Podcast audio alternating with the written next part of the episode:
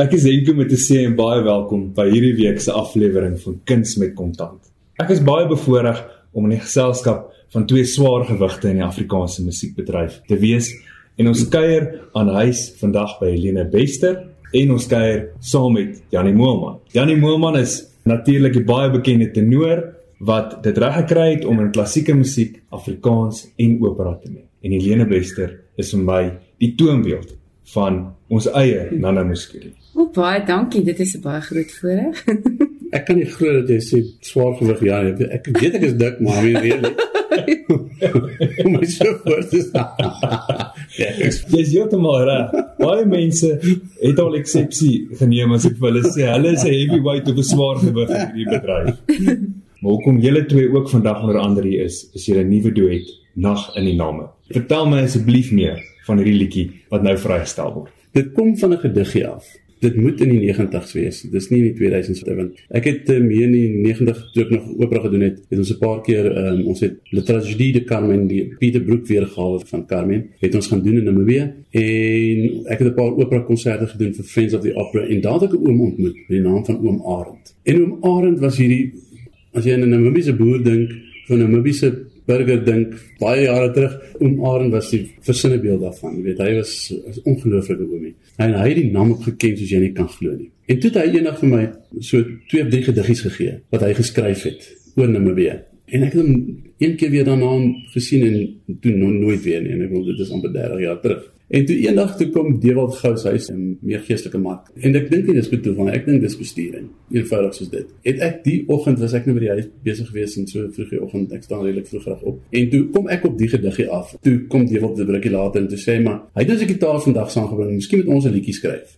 Ek sê vir hom ek het 'n gediggie. En ons sit by mekaar en dit is die basis gevorm van Nag in die Name. Dis dis nou nie die die gediggie is maar net 'n deeltjies daarvan maar my oë toe maak dan is daai die woorde van nag in die name 'n versinne beelding van van die name. Ek dink nie wow. mense besef hoeveel maande voor die tyd jy moet voorberei en woorde moet leer vir 'n opera. Daar's verskriklik baie dissipline weet in in daardie kunsvorm. Net 'n tipiese hoe dit gebeur, die proses gebeur is jy het, jy moet dan maar jou rol leer. Dis 'n 3 ure lang opera en jou musiek wat jy altyd saam sing, dis bietjie langer as net 'n gewone konsert en dit is of meer intens as net dit. En dan teen dag 1 wat jy by rehearsal aankom wat gewoonlik so 6 weke is die rehearsal periode teen dag 1 wat jy daar aankom sal jy elke liewe woord uit jou kop uit ken en sal jy presies weet wat jy doen want anders dan mors jy 100 ander mense se tyd jy weet. Ehm um, dit was tog 'n belangrik ding met klassieke musiek. Ek, het baie laat begin sing so toe ek begin het op universiteit basies het ek niks van musiek geweet ek het politieke kommunikasie kunnen gaan swat so ek het iets heeltemal anders geswat en so. En uh, vir my was dit 'n kwessie van jy weet niks so leer So luister vir elkeen en kies uiteindelik dit wat jy goed is. Ek onthou byvoorbeeld jy het nou gesê dat jy laat in jou lewe relatief laat begin sing het. Helene, jy het doelbewus gewag voordat jy Nana Muskuri begin sing het, want jy wou ja. graag 'n volwasse stem leen tot die vertolking van Nana Muskuri se musiek.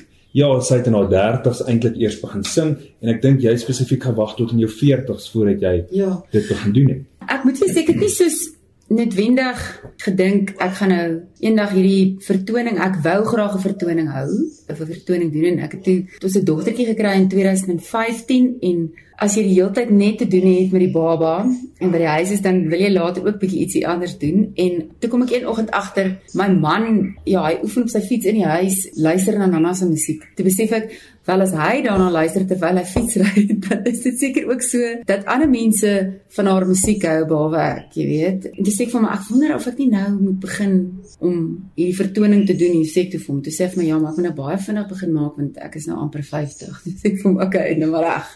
Dan gaan ek begin.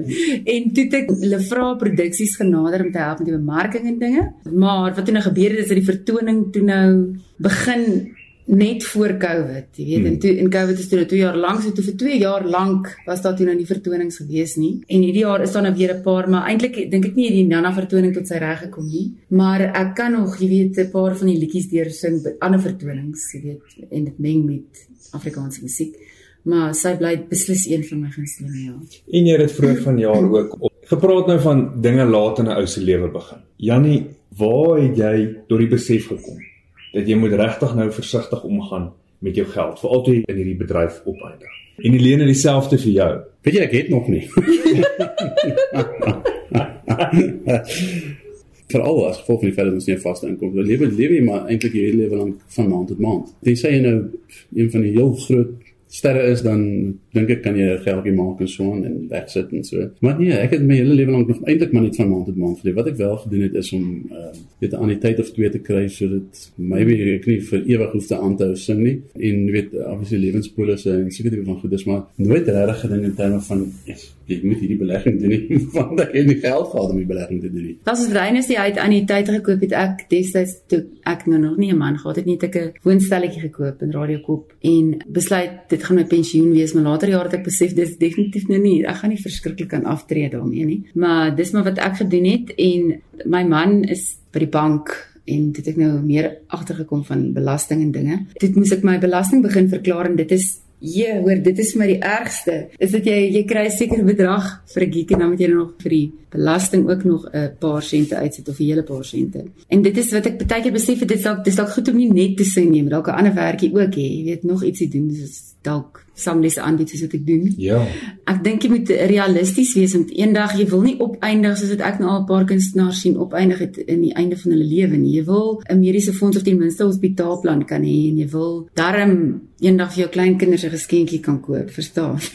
Ja. nie dat hulle die hele tyd vir jou moet sorg nie. In die jare van skouspel, destyds toe julle albei op daai groot verhoog gestaan het. Het julle baie geld gemaak uit daai oefeninge? Vir my was die die die inkomste van skouspel was vir my baie groot en lekker geweest, maar dan moes jy dit mos maar weer strek oor 'n jaar en dan is dit nie so baie nie. In my geval, die die jare wat ek by skouspel was, was ek 100% op my eie gewees. Ek het 'n fooi gekry obviously maar uit die aard van die saak en en dan sal baie skouspel DVD's en series en seker tipe van goeders verkoop. Maar ek was te dom geweest om te besef dat ek moet by Samro aansluit en by daai en aansluit sodat jy fooie betaal kan word en so en so. So dit het so baie gegaan byvoorbeeld en nooit daar. Ja, niemand leer jou dit. Niemand, niemand sê dit vir jou. Jy Ja. weet sê vir jou luister, jy moet registreer by Samro en jy moet registreer by as jy ding gespeel word by radio, hulle hou jou geldjie vir jou. Um, mm. alles is 2 sent en jy kan dit op 'n stadium kry. So net binne in musiek, my raad sou wees, go for it. Geef jouself 4 jaar of 3 jaar en go for it. Sing jou hart uit en doen wat alles wat jy in jou moontlik kan doen. Mm. As nie vir jou werk nie, gaan kry jy ander werk dan. As my dogtertjie dit sien en maar eendag wil doen, dan sal ons haar beslis ondersteun, maar ek sal vir haar vertel van al die realiteite en dinge vooraf. Ek meen, ek wou net gesing het en my ma het my ondersteun, maar my pa was so moeg na al om vir al my goederes te betaal en ek was 'n kelnerin vir baie lank gewees. Dit was regtig taaf en, en, en daar's soveel goed wat ek nie geweet het nie en definitief verkeerd aangepak het. Dalk te oorhaastig en baie keer te stadig. Ek dink as 'n mens ouer is, is jy beslis 'n bietjie wyser. En Helene, so. jy op Springs groot geword het, Ja. wat het jy in jou ouer huis geleer as dit kom by eendag 'n loopbaan volg en finansies bestuur en sal jy dit weer doen as jy dit van voor af kon doen?